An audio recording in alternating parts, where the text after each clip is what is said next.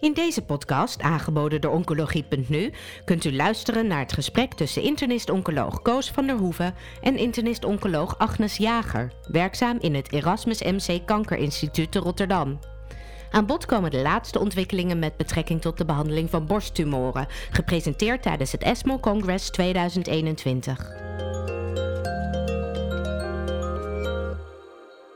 ESMO 2021, Parijs.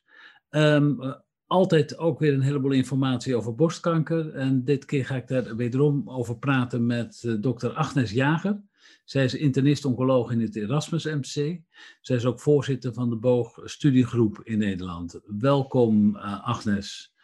Was jij in Parijs of heb jij het ook gewoon vanuit Nederland gevolgd? Ja, vooralsnog volg ik alles uit, vanuit Nederland. Dus oh, ik ben niet op geweest. Nee. Wat waren wat jou betreft de hoogtepunten wat betreft borstkanker bij de ESMO dit jaar? Nou, het zou mooi zijn als we eigenlijk voor elk tumortype uh, de belangrijkste studie bespreken. En dat is voor uh, triple negatief zijn de immunotherapie gerelateerde studies. Uh, voor de HER2-positieve de ADC's. en voor um, het hormoongevoelige borstkanker de studies over de CDK4-6-remmers. Er zijn mooie data over getoond. Oké, laten we dan beginnen met de immunotherapie. Zou je heel kort iets kunnen zeggen welke indicaties er op dit moment al zijn om immunotherapie bij borstkanker voor te schrijven? Ja, daar blijven we een beetje een achterkoos. We hebben tot nog toe eigenlijk geen, geen, harde indicatie die we al regulier mogen geven. Dus we wachten met smart data die zo overtuigend zijn dat we het regulier kunnen inzetten.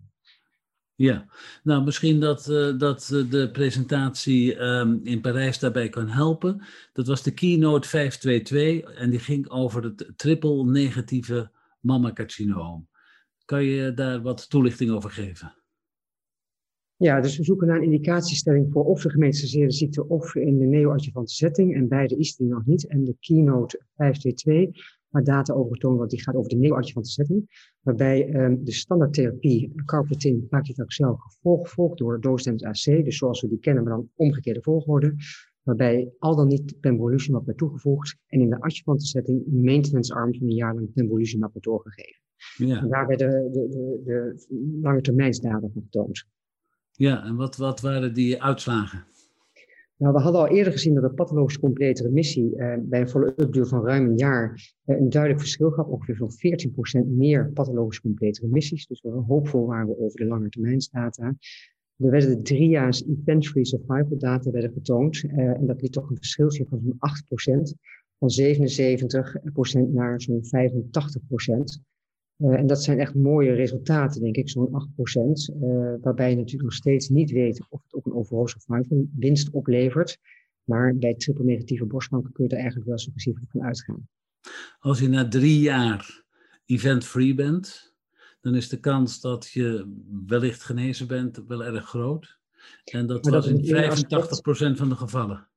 Ja, er zijn denk ik twee aspecten waarom je die vrij goed met de overall survival kunt analyseren. Datgene wat je zegt, dat je na drie jaar, als je dan geen recidief hebt, een grote kans is dat je um, op lange termijn het ook niet hebt. Maar dat zegt dus iets dat deze data toch wel behoorlijk matuur zijn. En dat je echt wel iets kunt zeggen over de lange termijn. En het andere is, omdat we natuurlijk minder behandelingslijnen hebben in de gemeenschapsgebaseerde setting, uh, lijkt dat ook dichter bij elkaar te liggen, de event-free survival en de overall survival. Ja. In deze studie is ook gekeken naar de PDL1-status van de tumorcellen. Maakte dat verschil in de uitkomsten? Dat blijft intrigerend. Uh, bij de gemetastaseerde settingen hebben we heel duidelijk aanwijzing dat dat wel belangrijk is, die preselectie. Maar bij de uh, neoadjuvante setting eigenlijk niet. Dus er is gekeken naar PDL1 positief versus negatief. En in dit geval dan met de CPS-score, maar dat is eigenlijk geen verschil. Dat doet het op alle groepen even goed. Dus ja. je kunt er geen preselectie bij aanbrengen. Ja, nou is er uh, de afgelopen jaren ook veel belangstelling geweest voor de aanwezigheid van tumorinfiltrerende lymfocytentilcellen in de tumor. Is daar bij deze studie ook naar gekeken of dat uitmaakte hoeveel tils er rond de tumor zaten, of dat uh, gevolgen had voor de uitkomsten uiteindelijk? Ja, belangrijke vraag, een mogelijke goede biomarker, maar zover ik weet is daar geen data over getoond. Dus bij mij weten nog niets, maar dat zullen ze ongetwijfeld een keer gaan meenemen. Ja, nou eh, ben je positief over deze uitkomsten. Um, kunnen we er al iets mee in Nederland? Dus het is nog niet geregistreerd voor deze indicatie? Nou, misschien is het goed om te zeggen dat, dat ehm, eh, we hebben natuurlijk de PCR die omgezet wordt in EFS. En wat wel mooi was, er werd nog subgroepanalyse getoond voor de mensen die een pathologisch complete remissies hadden versus geen pathologisch complete remissie. Wat dan opvalt als je die PCR bereikt hebt, dat je dan eigenlijk de armen vergelijkbaar zijn. En als je geen PCR had, was er een duidelijk faveur winst voor de pembrolizumab-arm. Dat betekent denk ik zoveel dat als je pembrolizumab hebt toegevoegd in de uh, neoadjuvante setting, dat je waarschijnlijk geen maintenance nodig hebt. Dat, dat, dat is in ieder geval iets waar we goed naar moeten kijken uh, in het vervolg. Voor die non-PCR, ja, de winst die je daar boekt, zou je moeten vergelijken met eh, studies zoals die zijn van de CreateX. Ook daar hebben we natuurlijk een preselectie van mensen die geen PCR hebben en, uh, en capcitabine vervolgens krijgen. En dan zie je dat het misschien nou ja, ehm, in de buurt komt van die uh, capcitabine winst, maar nog niet helemaal duidelijk. Met andere woorden, overal zijn de data hoopvol. We hebben nog geen preselectie. Um, maar het wordt wel heel belangrijk waar we hem uiteindelijk moeten positioneren, omdat die capcitabine niets in deze studie is toegevoegd. Dus dat, dat wordt nog wel een uitdaging. Als zich nu een, eh, een nieuwe jonge patiënt, want triple-negatieve mammacarcinoompatiënten zijn vaak jong, bij jou meldt met een, een, een, een tamelijk agressieve en een redelijk grote tumor, heb je dan, zijn er dan opties om die patiënt neoadjuvant met immuuntherapie te behandelen? Niet buiten studieverband. En um, ja, ik, ik, ik, geloof heel erg in triple negatieve dat we daar echt een neoadjuvante adjuvante setting moeten doen. Dus het feit dat we hier een PCR-winst hebben die ja, echt heel mooi is met zo'n hoog percentage, uh, biedt heel erg veel perspectief. Maar, maar het hele moeilijke zal zijn als we dat gaan doen en introduceren, wat doen we met die maintenance arm? Uh, want ja, met name als je geen pathologisch complete remissie hebt, dan wordt het wel een, hele uitdaging hoe we dat nou in het veld gaan plaatsen op basis van de capcitabine data, de olaparib data bij de BRCA gemuteerde. Hoe gaan we dat doen? Uh, maar het feit dat dit in het eerste deel al een duidelijke toename van de PCR geeft, ja, dat is winst. En ja, ik hoop ook wel dat het gevolgen heeft voor de toegankelijkheid van het middel. Nou, dat is hoopvol en laten we hopen dat het uh, ook gauw toegankelijk voor patiënten zal zijn. Ik wilde de overstap maken naar de antibody-drug conjugaten. Uh, die kennen we natuurlijk al lang met de trastuzumab en tanzine. Maar um, er, waren, er zijn er ook andere. En uh, in Parijs werden de resultaten getoond van de trastuzumab deruxtecan uit de zogenaamde Destiny Breast 03-studie. Wat kan je ons daarover vertellen? Nou, ik denk dat dat bijna niemand ontgaan is, want dat is denk ik toch wel de meest spectaculaire data van de ESMO 2021 als het om borstkankergebied gaat. Um, al enige uh, tijd kondigen we dit middel aan. Uh, dat is een uh, TDM1-achtig middel, dus een ADC, antibody drug conjugate. Um, maar het is echt wel anders dan de tot nog toe onderzochte ADC's. Uh, misschien goed om dat even nog te belichten. Uh, wat belangrijk is, is dat je dus een koppeling aan je trastuzumab maakt met een linker en chemotherapie. Dat zijn twee belangrijke zaken. Dus je moet een heel effectief chemotherapeuticum hebben. Maar die linker is misschien nog wel minstens zo belangrijk. Want die linker die bepaalt een aantal dingen. Um, uh, hoe, hoe, meer linkers aan kunnen aan dat trastuzumab met die chemotherapie, hoe meer chemotherapie je dicht bij de tumor kunt brengen. en of die linker wel of niet, als linker die trastuzumab aan de kankercel gebonden is en internaliseert, en daar de chemotherapie vrij uh, doorkomen. Um, of die linker uh, oplost of nee. Want als die oplost, dan komt die chemotherapie vrij. Maar bij een goed uh, middel, of een middel wat, wat ook nog doorlaatbaar is weer om terug te vloeien uit die kankercel, zoals het is bij uh, drugste kan, dan kan die ook omliggende cellen beïnvloeden. Dat is die zogenaamde ja. effect. En dat is ongelooflijk belangrijk, want dat middel, dit middel wat we nu bekijken, die, die uh, trastuzumab drugste kan, heeft dat en doet dat met een hele ja, uitgebreide manier. En dat maakt dat dit middel veel maar effectiever is dan de huidige ADC's tot nog toe. Dat toont deze Destiny 03 data ook, wat mij betreft. Oké, okay. voordat we er in detail op ingaan, als zo'n patiënt dat krijgt, hoe, hoe ziet dat schema eruit? Dus wat, hoe krijgt, ze krijgen het intraveneus toegediend en wat is, de, wat is de toedieningsfrequentie? Uh, drie, drie wekelijks. Dus in die zin lijkt het heel erg op TDM1. Oké. Okay. Wat, kan je, wat kan je zeggen over de opzet van de Breast 03 Destiny Study? Ja, het was in ieder geval, uh, moest je minstens uh, in de gemeesterseerde setting trastuzumab en taxane gehad hebben. Dus per definitie in de tweede lijn of hoger. Um, en dus zeker niet in de eerste lijn, dat kon eigenlijk niet. Um, en ja, dat was eigenlijk de belangrijkste eis die er was. Wat ik ook belangrijk vind om te benoemen is dat mensen met CNS-metastase mochten in de studie opgenomen worden. En dat blijft natuurlijk altijd een belangrijke groep, omdat dat zo vaak voorkomt bij HER2-positieven.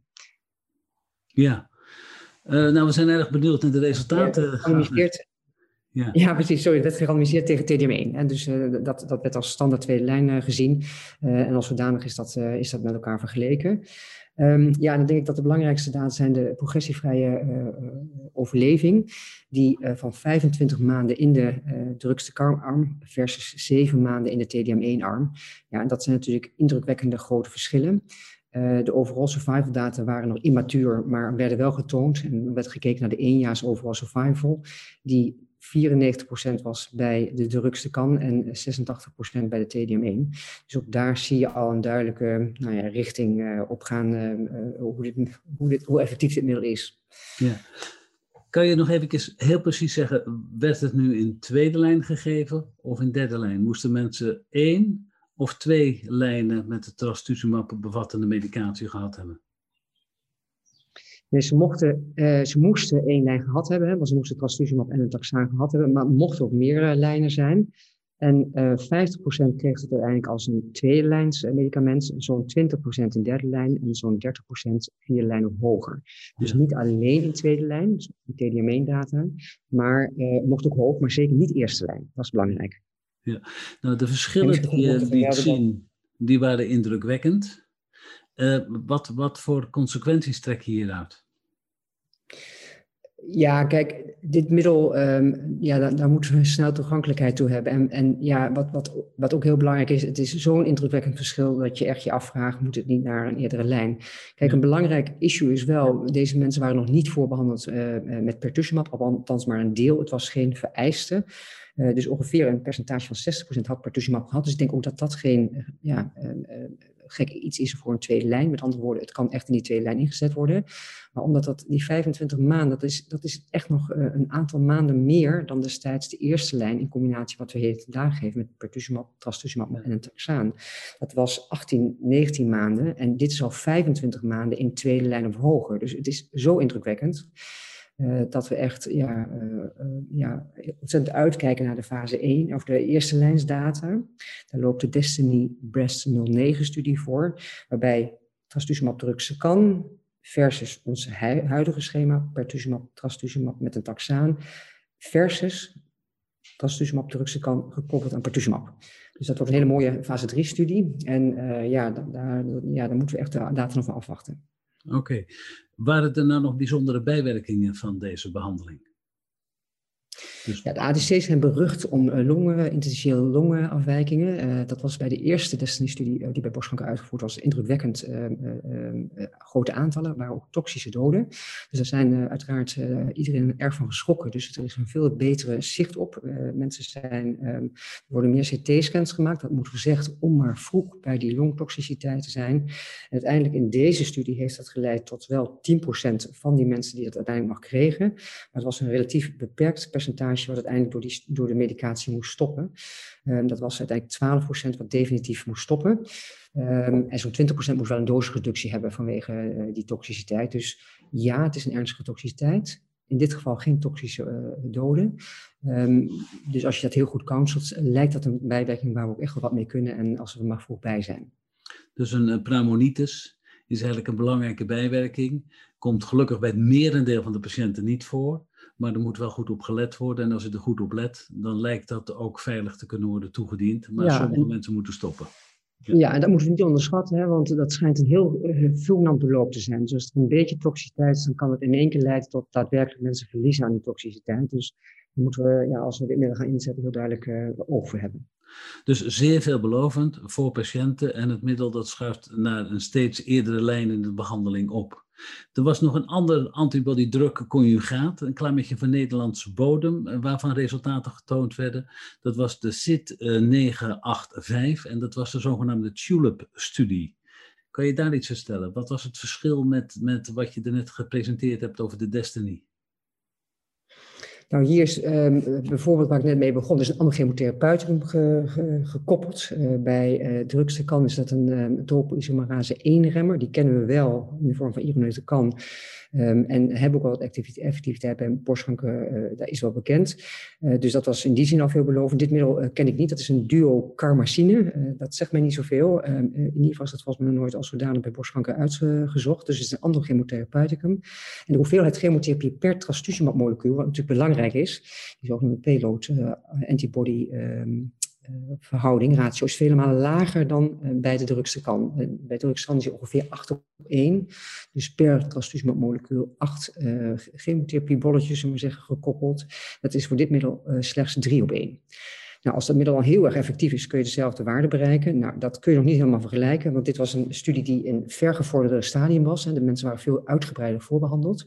En ook dan zag je wel weer een winst. Die was wat bescheiden, met een mediane progressievrije uh, overleving van 4,9 maanden naar 7 maanden. Dus ja, er zit wel weer wat in. Uh, maar met die getallen die ik net noemde van 25 maanden is dat natuurlijk, uh, lijkt dat wat, wat minder. Anderzijds, dit was echt wel een veel uitgebreide voorbehandelde groep. Dus ja, hier moeten we gaan verder gaan kijken in hoeverre dit, dit werkt. Ja. Belangrijk is dat er een toxiciteitsverschil zit. Bij die ADC's hebben ze dus het longlijden, maar ook wonderwel allerlei oogproblemen, uh, conjunctivitis, keratitis. Dat zijn wel echt hele hinderlijke bijwerkingen, zoals we die uit de fase 1-studies kennen. De longziekte kwam wat minder vaak voor, dus dat, dat interstitieel beeld zo'n 7, 8 procent. Maar die keratitis, dat was toch echt wel uh, best wel uitgebreid.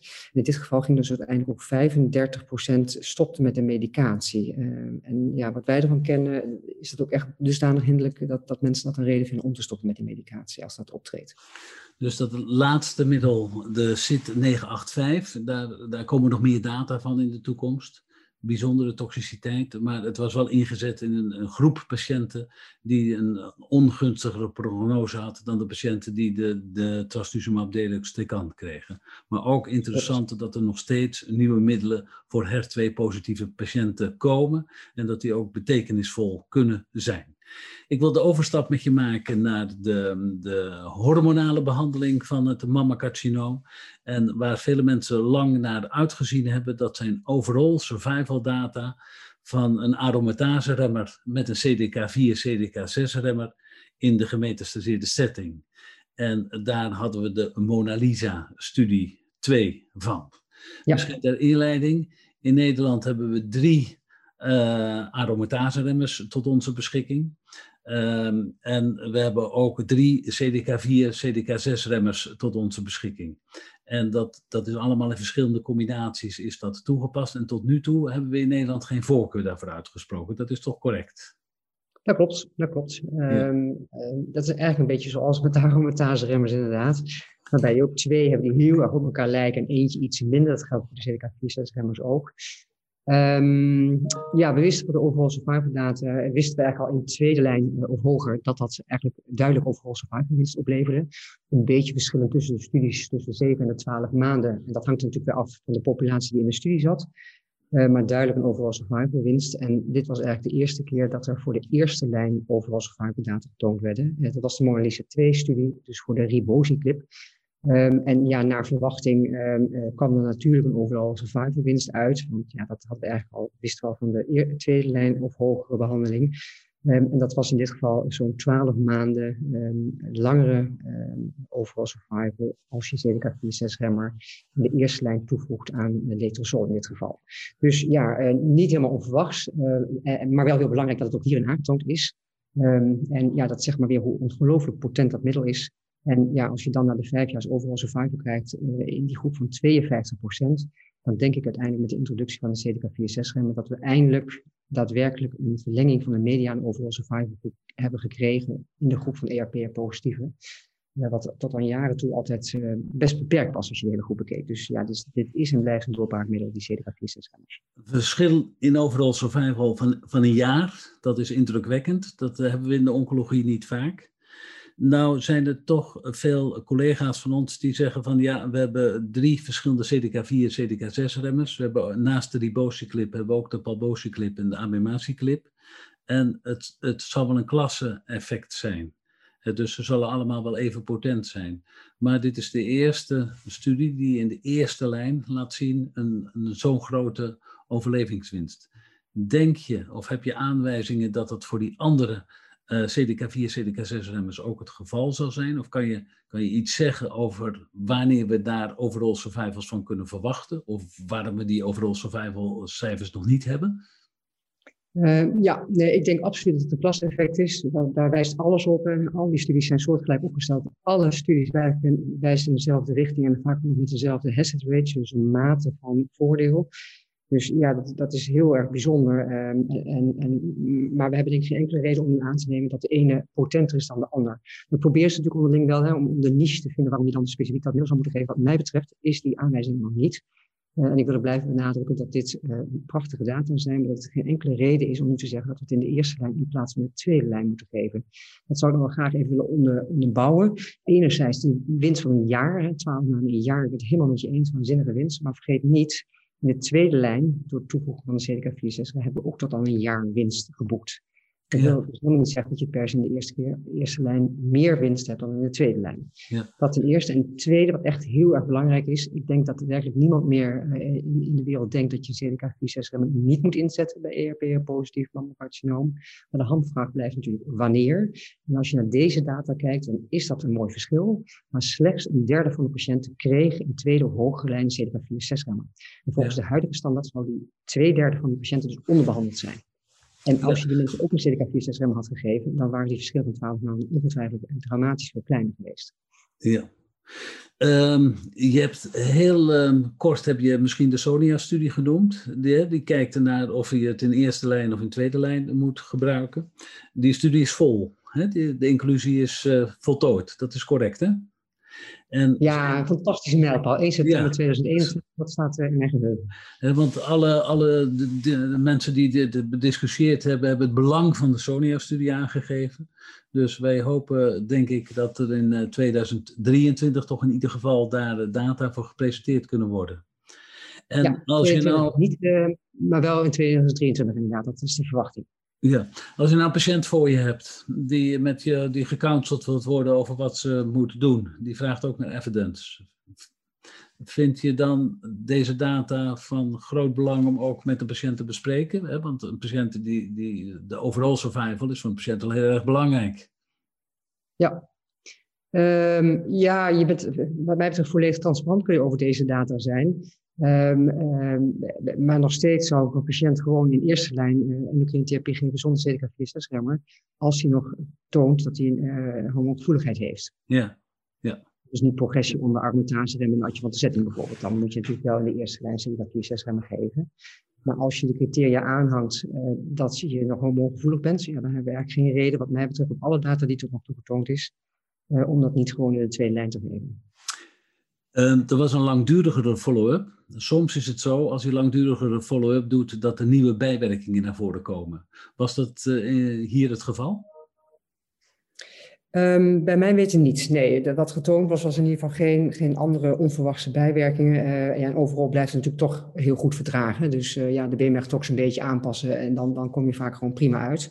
Uh, en dat maakt nu ook dat we de intensieve controle van uh, één, jaarlijks, uh, elke maand, om, om die mensen te zien, gelukkig ook al kunnen verruimen. Zoals we dat ook in, in ons protocol van de Sonja-studie bijvoorbeeld hebben aangepast. Oké, okay. nou mooie berichten voor de patiënten. Ik denk dat het overal een mooie resultaten waren. Zijn er nog andere dingen die je zijn opgevallen die je met ons wilt delen? Ja, ik denk dat het verweg de belangrijkste uh, presentaties waren. Wat ik nog wel in, een hele interessante presentatie vond, is een soort meta-analyse over de duur van trastuzumab adjuvant.